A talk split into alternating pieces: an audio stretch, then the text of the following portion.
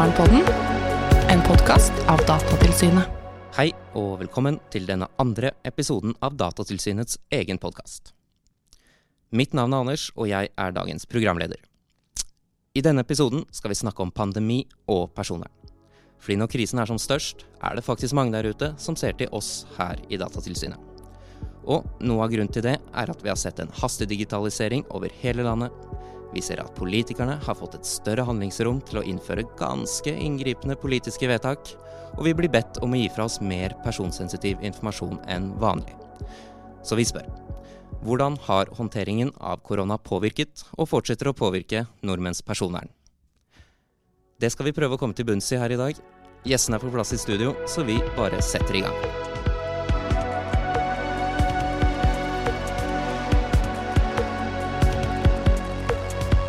Bjørn Erik Thon, velkommen i studio.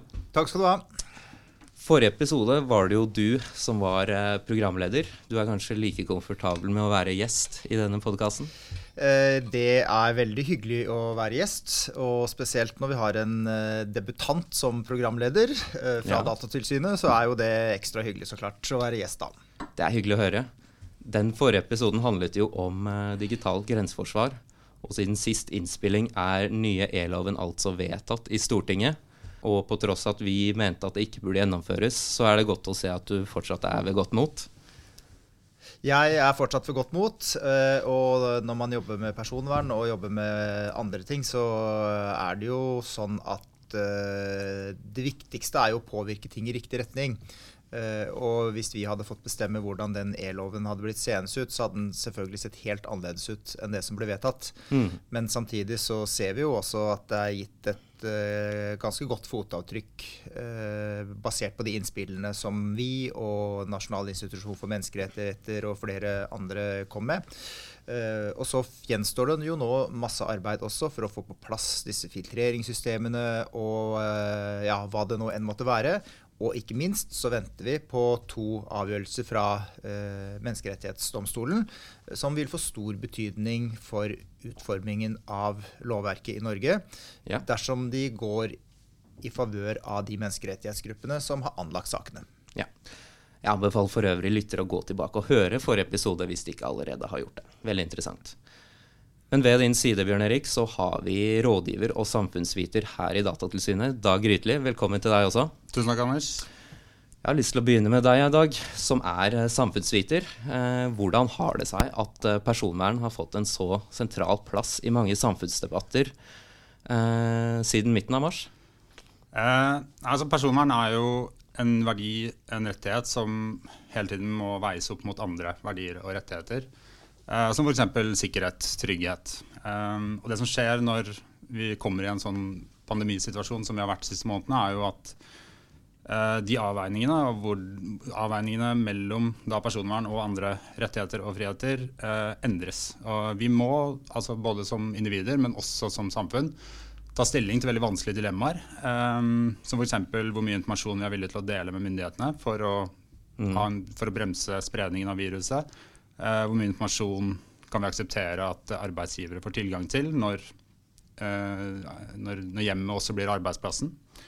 Uh, og, hvilke, og, hvordan skal vi stille oss til krav om, om helsesjekker For, eksempel, for å få lov til å komme tilbake til kontoret? Det er en type dilemmaer som vi sannsynligvis vil se Eller som vi har sett, og som vi vil se mer og mer av ettersom vi prøver å gjenåpne fram til vi da får en vaksine.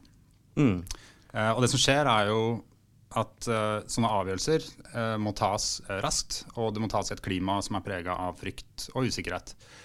Og da er utfordringen at de tiltakene som innføres, ikke skal bli en ny normaltilstand. Ja.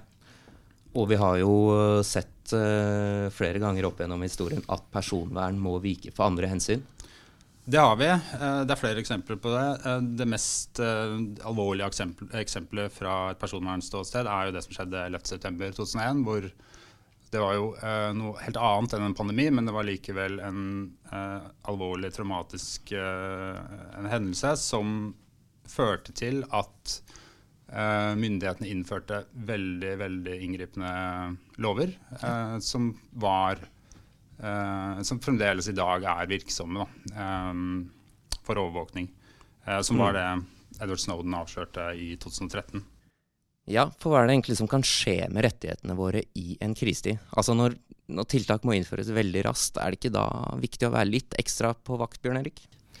Eh, det er uh, veldig viktig det Dag sier, at vi må ikke trekke reguleringene i unntakstilstandene for langt. Fordi det veldig lett kan uh, bli en permanent situasjon ut av det. Uh, men samtidig så må vi i enkelte situasjoner Eh, akseptere at det gjøres større inngrep i personvern eh, når vi er i en krisesituasjon. Eh, og Vi skal jo snakke litt om smittestopp senere i denne sendingen. Men det er jo et typisk eksempel på noe som kan aksepteres gitt en rekke forutsetninger som vi skal komme tilbake til eh, i en krise, men som jo selvfølgelig aldri ville vært akseptabel eh, i en situasjon hvor vi ikke hadde en pandemi. Eh, og Sånn kunne vi egentlig fortsatt også på de andre eksemplene som Dag så fint trakk opp, fra 11.9. og eh, andre ting. Så ser man liksom at man regulerer, men i USA f.eks. etter 11.9. så gikk det jo egentlig helt galt. fordi man fikk en slags blodtåke som uh, tok samfunnet, og som gjorde at man innførte altfor inngripende tiltak. Og så slo det jo etter hvert tilbake mot uh, ja, Kritikken ble rett og slett for stor, så man måtte jo snu enkelte av disse tiltakene. Uh, og Datalagringsdirektivet Vi i Datatilsynet kom jo alltid tilbake til datalagringsdirektivet, men det også ble jo vedtatt i en form for panikk fordi man måtte gjøre et eller annet for å bekjempe terror. Eh, det førte til at det ble innført inngripende lover som måtte reverseres fordi domstolene kom til at direktivet var for inngripende, i personvernet. Eh, og etter min mening så er jo politiet i dag sannsynligvis dårligere utstyrt med virkemidler eh, fordi de kjørte så hardt på at datalagringsdirektivet skulle bli vedtatt den gangen. Ja. Du vil følge opp, Dag? Ja, En annen ting det er viktig å huske på, er jo at uh, vi har jo uh, opplevd pandemier uh, for ikke så altfor lenge siden. Det var altså svineinfluensaen i 2009 var vel definert som en pandemi, og SARS-utbruddet i 2002. og forskjellen mellom situasjonen vi står i i dag og de pandemiene, er jo for det første at covid-19 er mye mer smittsomt og dødelig. Det er en mer alvorlig pandemi. men det er jo også viktig å huske på at den teknologiske utviklingen og kapasiteten til overvåkning og sporing i 2020 er helt annerledes enn den var for ti år siden. Sånn at Derfor er personverndiskusjoner mye mye viktigere i dag enn, uh, enn hvis pandemien hadde rammet for ti år siden. Mm. Bjørn Erik, har Datatilsynet vært preget av en form for unntakstilstand? For vi har jo også måttet tenke litt nytt her på huset. Jeg vil ikke si at vi har kanskje vært i en, en, en unntakstilstand, eh, men vi opplevde jo ganske raskt etter at, eller ganske raskt umiddelbart når pandemien slo inn, og spesielt da når samfunnet ble nedstengt, eh, en voldsom pågang av ulike typer saker. Eh, og Dag var innom noe av det, og noe av det skal vi snakke om seinere også, men det handlet jo da om digital kommunikasjon i skolen og i helsesektoren, kartlegging av hvor mobiltelefoner fantes, eh, hvem kunne vite, eller hvem skulle få vite at noen var smittet på en arbeidsplass f.eks., og selvsagt smittestopp. Eh, så eh, det var, har vært veldig mye pågang og veldig mange saker å ta stilling til. Det som kanskje har vært spesielt, er at det har vært mange vanskelige saker å ta stilling til, og alle kom samtidig. Eh, og det er nok en situasjon som kanskje ikke er så vanlig for oss. Eh, men så gjorde vi jo også noen beslutninger, for vi, vi så jo f.eks. at eh, veldig mange bedrifter begynte å slet økonomisk, rett og slett fordi de ikke hadde noen kunder lenger, f.eks. Eh, mange fikk krisepakker og hjelp fra regjeringen. Eh, og vi tok også en beslutning om at vi ikke ville skrive ut overtredelsesgebyr i en periode vel på et par måneder etter at samfunnet ble stengt ned.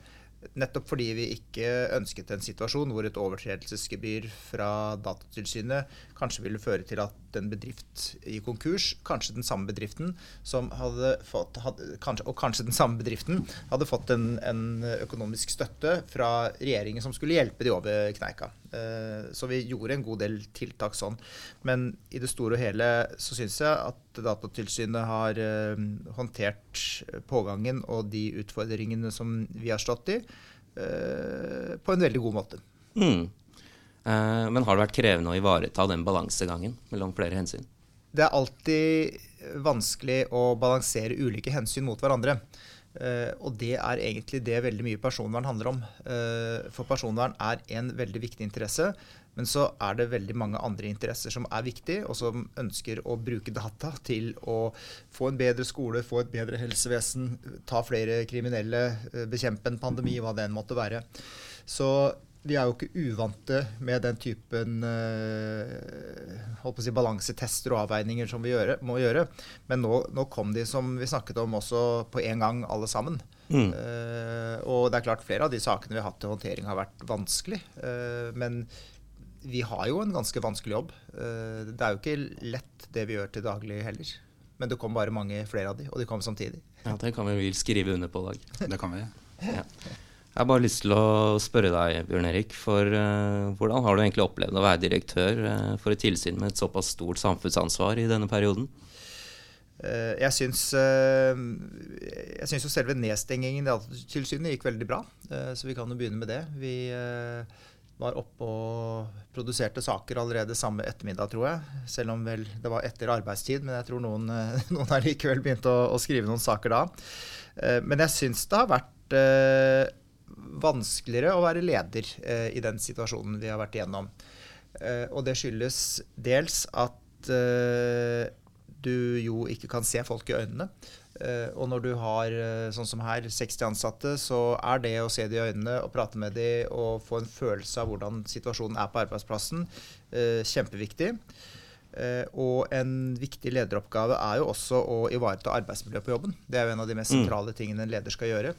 Uh, og vi vet jo at mange har sittet hjemme kanskje på en uh, kjøkkenstol uh, i en liten leilighet. Mange har drevet hjemmeundervisning for to eller tre barn. Begge ektefellene har vært hjemme. Det har vært vanskelig, og det syns jeg har vært Vi har ikke hatt noe valg, for det var sånn det var. men jeg har tenkt ganske mye på akkurat hvordan vi skal kunne ivareta det best mulig. Eh, så vi har jo forsøkt da, å oppfordre folk til å ta pauser, gå turer, treffe hverandre på avstand. At det ikke bare skal være produksjon, produksjon, produksjon, men at folk faktisk må ta eh, hensyn til seg sjøl og hensyn til familien sin, og at de må hjelpe hverandre. Eh, og at vi har forsøkt å legge best mulig til rette for det, da. Mm. Men personvern har jo engasjert veldig denne perioden. Og jeg har i hvert fall inntrykk av at veldig mange har vært opptatt av det. Det er jo bare å se i, i media eller på Twitter. Um, og Dag, vi har jo også merket stor pågang på vår veiledningstjeneste her i Datatilsynet. Hva er det folk egentlig lurer på? Vi har merka veldig stor pågang, og vi har også merka stor pågang til uh, den beredskapstelefonen som vi oppretta rett etter nedstengningen. Um, For personvernombud? Personvernombud og virksomheter som opplevde avvik som trengte akutt uh, behandling. Nettopp. Uh, vi har uh, erfart at veldig mye handler om arbeidsliv. spørsmål om hvilke tiltak arbeidsgiver har rett til å innføre for å kontrollere arbeidstakere på hjemmekontor. Men også hvilke type opplysninger arbeidsgiver har rett til å få vite med tanke på smitte, smitte i familie og den type ting. og Det er jo et, et godt eksempel på at det, avveiningen mellom personvern og andre hensyn blir annerledes når uh, man står i en krisesituasjon. Uh, veldig mange av henvendelsene gjaldt informasjonssikkerhet og personvern i uh, digitale kommunikasjonsløsninger. og Det var av typen e-konsultasjoner i helsetjenesten, videomøter og digitale klasserom. Så altså arbeidsliv, skole, helse. Uh, og veldig mange av henvendelsene kom også fra det vi kan kalle førstelinja. Det var lærere, det var helsearbeidere uh, og den type ting. Um, som jo antyder at mange, løsninger, mange, løsninger, ble tatt i bruk uten at det var en sånn sentral risikovurdering i forkant. Altså det var lærere som ble nødt til å flytte undervisningen over i digitale og måtte ta stilling til um, kommunikasjonsverktøy uten å ha uh, en klar risikovurdering i ryggen. Um, mm. Og så var det også veldig mange spørsmål om Smittestopp-appen. Nettopp. Har vi generelt blitt mer bevisst på innsamling og bruk av egne data denne våren? Denne går til dere begge. Jeg tror i hvert fall at vi har blitt mer bevisst. Eh, og Dag nevnte jo disse henvendelsene. Eh, det viser jo at folk eh, bryr seg om dette. Og vi ser jo også at det har vært stort engasjement i sosiale medier om, ja, knytta f.eks. til denne at man teller hytteboere ved hjelp av mobilsporing, da, på et vis, eller hvordan vi skal forklare det. Smitteappen har jo vært veldig mye diskutert. Og vi har fanget opp mange steder, syns jeg, at eh, folk har blitt mer eh, opptatt av personvern, og at det har vært bevisst hva som egentlig skjer. Mm, Dag? Jeg tror også at det vi har sett denne våren, her er en slags fortsettelse av det vi har sett de siste to-tre årene. At man har i kjølvannet av innføring av ny personvernforordning, også en del skandaler, særlig Cambridge Analytica-skandalen, blitt mer bevisst eh, hvor mye data vi deler, og, og, hva som er problematisk med det. sånn at Pandemien har nok kanskje ført til en sånn ekstra um, omdreining, men at det er en fortsettelse av en utvikling vi har sett over noen år.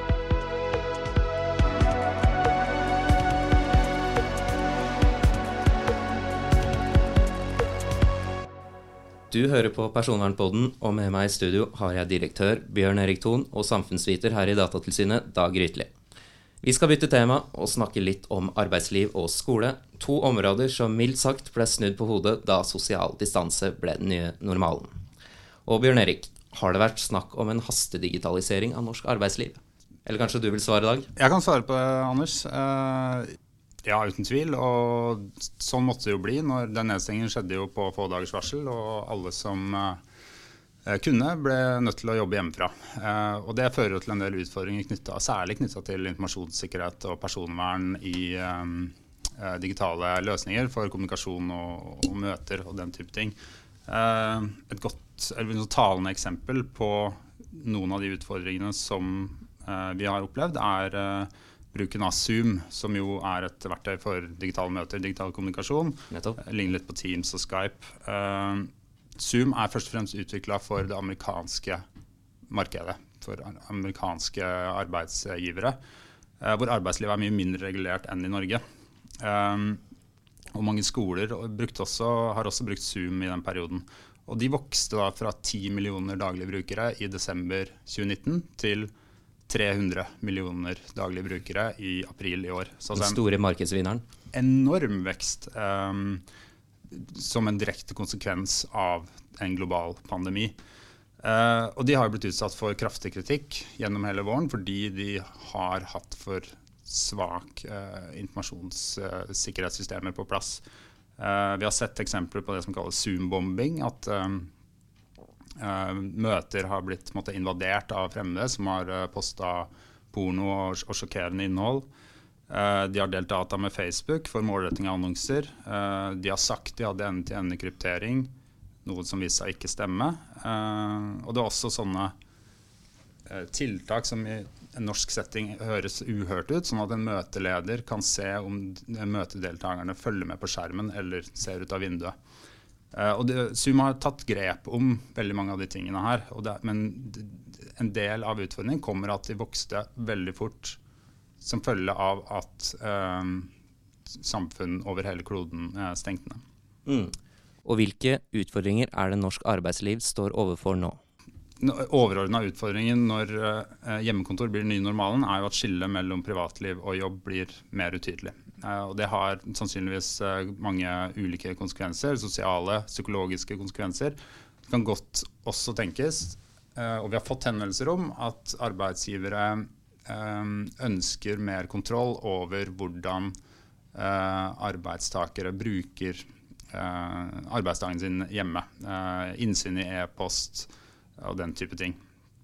Vi har fått spørsmål om opptak av videomøter. Sånn I fysiske møter så er det naturlig at en tar et skriftlig referat. Mens når du bruker en, uh, en, digital løsning, så vil det muligens sannsynligvis finnes en, bare en knapp man kan trykke på, og så har du hele møtet. Nettopp. Men så, som er mye mer uh, invaderende enn et skriftlig referat. Uh, så utfordringen er at når knappen er der, så er det veldig fristende å trykke. og så har vi også fått mange spørsmål om arbeidsgivers rett til informasjon om smitte.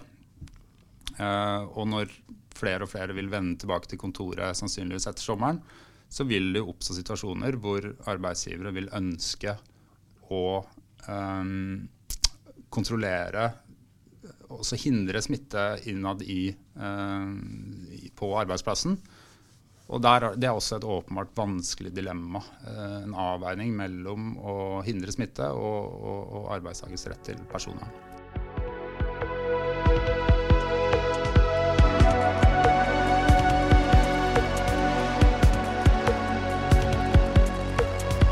Pandemien har også vært en utfordring for ansatte i skolen, og egentlig for alle landets elever som har måttet flytte skolehverdagen over på webkamera på bare få dagers varsel. Og vi vet at når det er snakk om barn, så stiller jo det desto sterkere krav til personvernet. Hvem er det som har ansvaret for at personvern eh, ivaretas i norsk skole? Hvordan har det blitt håndtert? Det er jo kommunen som har ansvar for hvordan personvern blir håndtert i norsk skole. Eh, men så er jo alle svar mye mer komplisert enn eh, det det kan høres ut sånn når man sier det så enkelt som jeg forhåpentligvis gjorde det nå. For det finnes vel omtrent 3000 skoler i Norge. Hvor mange lærere det finnes, det vet jeg ikke, men det er jo mange mange, mange tusen. Det er jo et veldig stort yrke. Og mange av de som sitter og bruker de digitale verktøyene, det er jo lærere som nok ofte sitter ganske fjernt fra liksom, de beslutningene som tas på kommunenivå.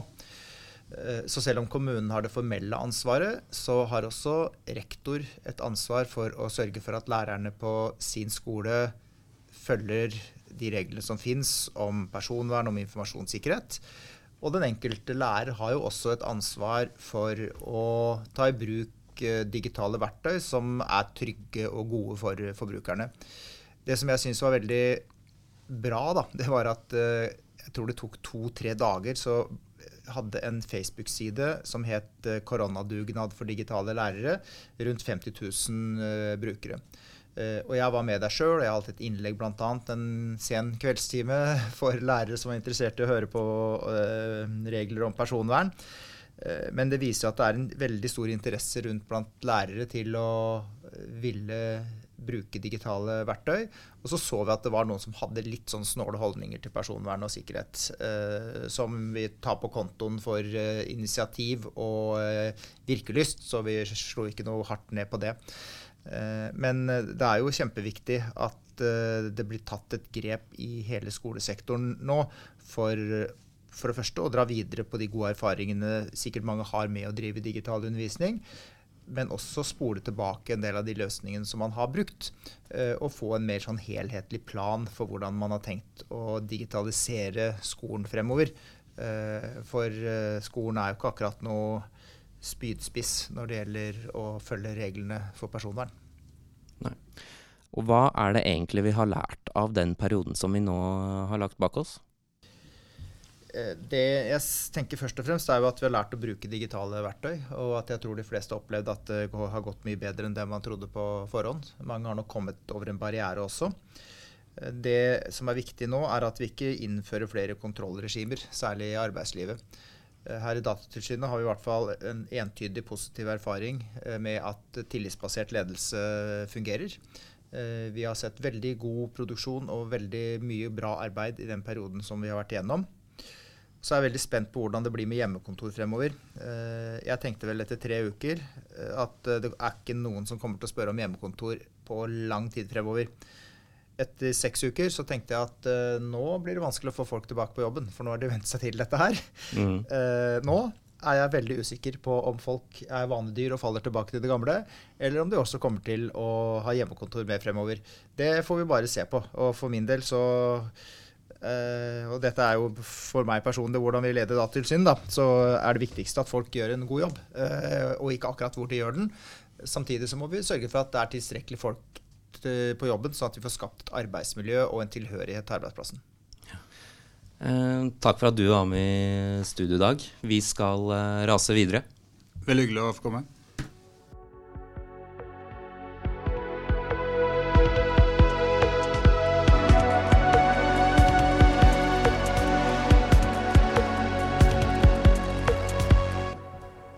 Utviklingen av alle disse smittesporingsappene og varslingssystemene er kanskje den definerende saken for datatilsyn over hele verden i 2020.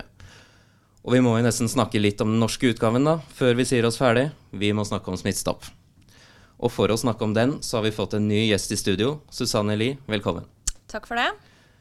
Du er eh, juridisk seniorrådgiver og har vært ganske travel i det siste, for du har vært saksbehandler i vår kontroll med denne appen.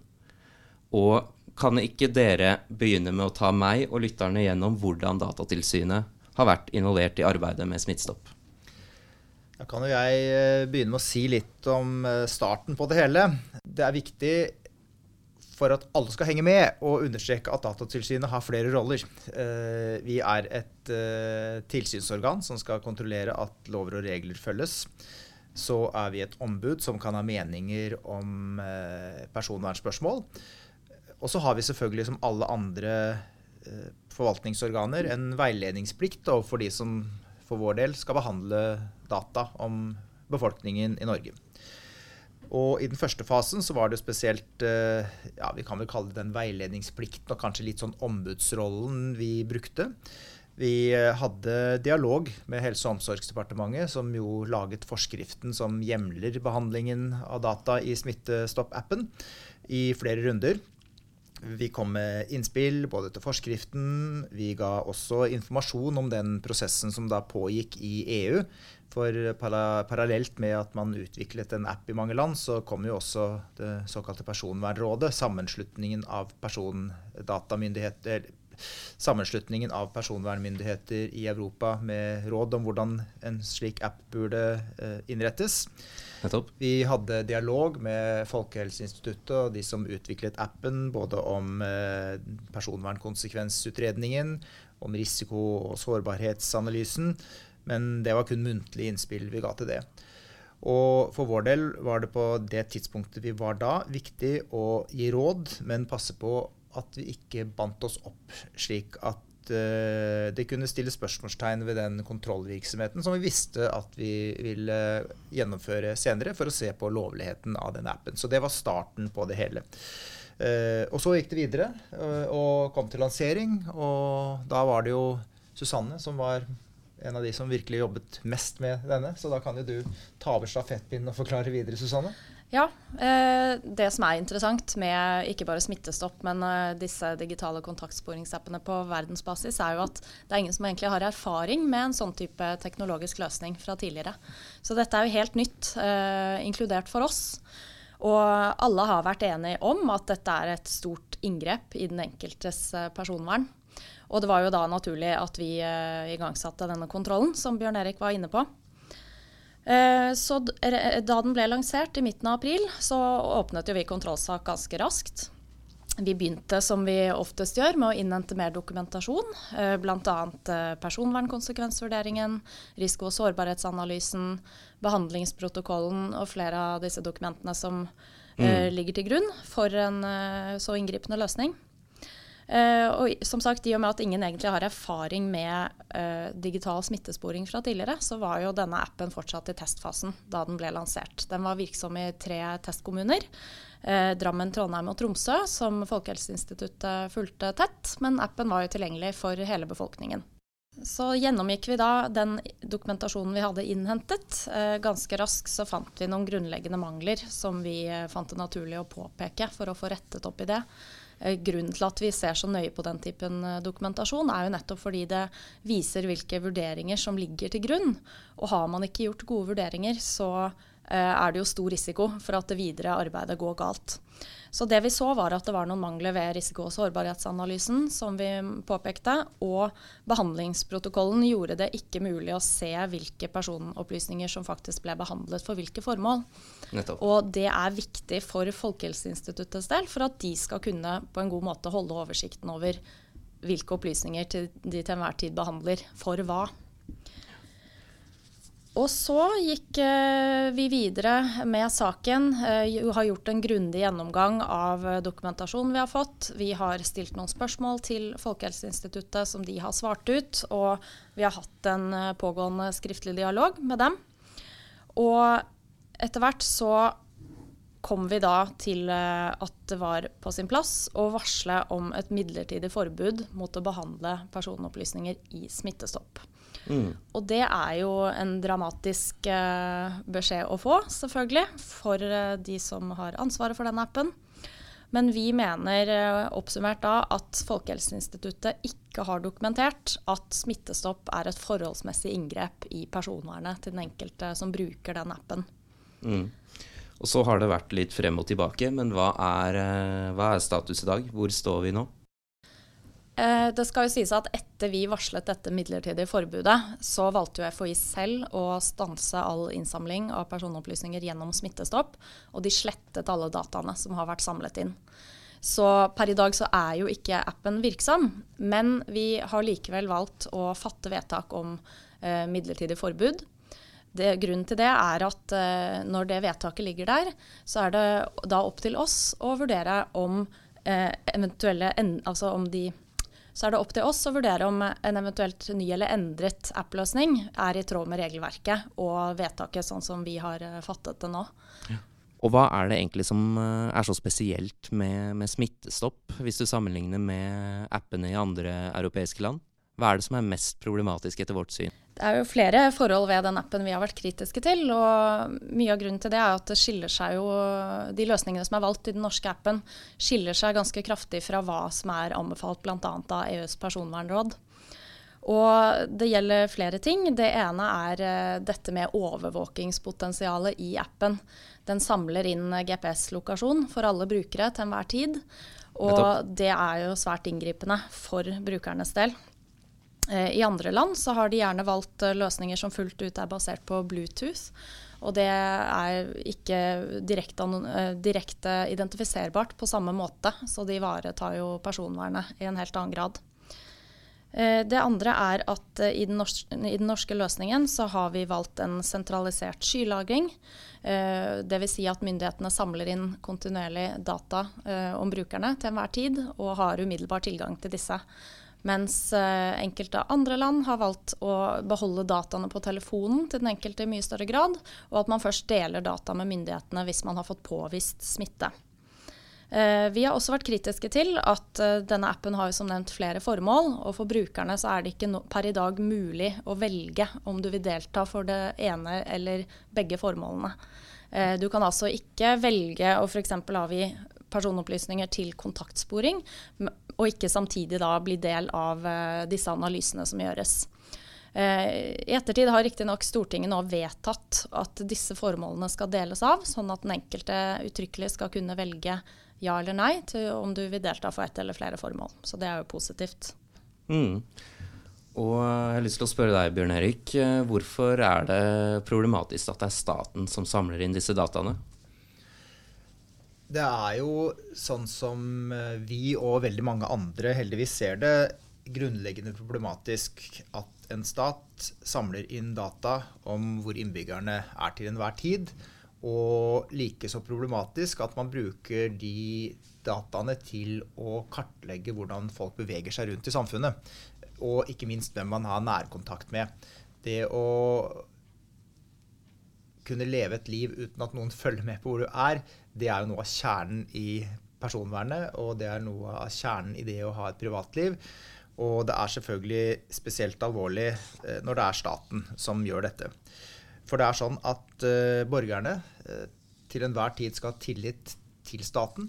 I Norge så er vi veldig heldige, for borgerne har, og det vil jeg si i det store og hele med stor rett, tillit til staten. Men eh, en stat som overvåker borgerne og kartlegger deres bevegelser, tror jeg vil miste tillit. Eh, så jeg tror det er veldig alvorlig hvis man begynner å bruke slike tiltak som dette eh, i andre situasjoner. Og selv i en situasjon som vi er nå, på en for inngripende måte, sånn som vi jo mener er tilfellet her. Og så er det jo også flere som har stilt spørsmål hva er det som er så ille med denne appen når eh, Google og andre apper overvåker og ser hvor du er hele tiden. Uh, og det er jo ikke sånn at uh, selv om andre apper kanskje samler inn mer data og kartlegger andre ting enn bevegelser, så unnskylder jo ikke det at staten uh, i Norge lager en app som er inngripende og følger med på hva befolkningen gjør.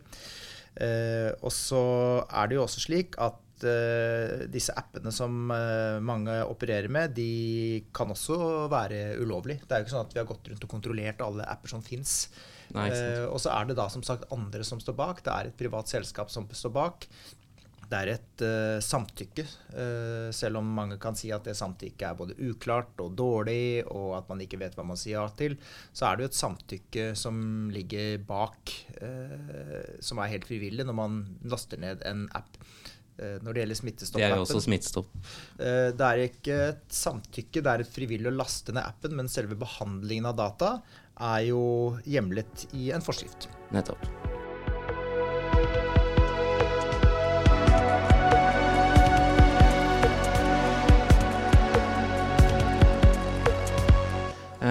Vi skal runde av, men eh, helt til slutt uh, har jeg lyst til å spørre dere hvordan skal vi jobbe med korona og personvern fremover? Nei, altså Pandemien er jo spådd å vare i ca. to år til. Så vi ser jo for oss at vi vil få en rekke koronarelaterte problemstillinger også fremover. Det vil bl.a. gjelde disse digitale verktøyene som er for fullt tatt i bruk i skole, helsevesen osv.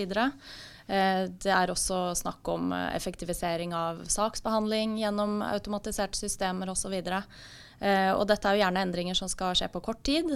I den grad det sendes ut på høring, så er det korte frister. Og det er jo viktig at vi hele tiden er på ballen og følger med på hva som skjer der ute.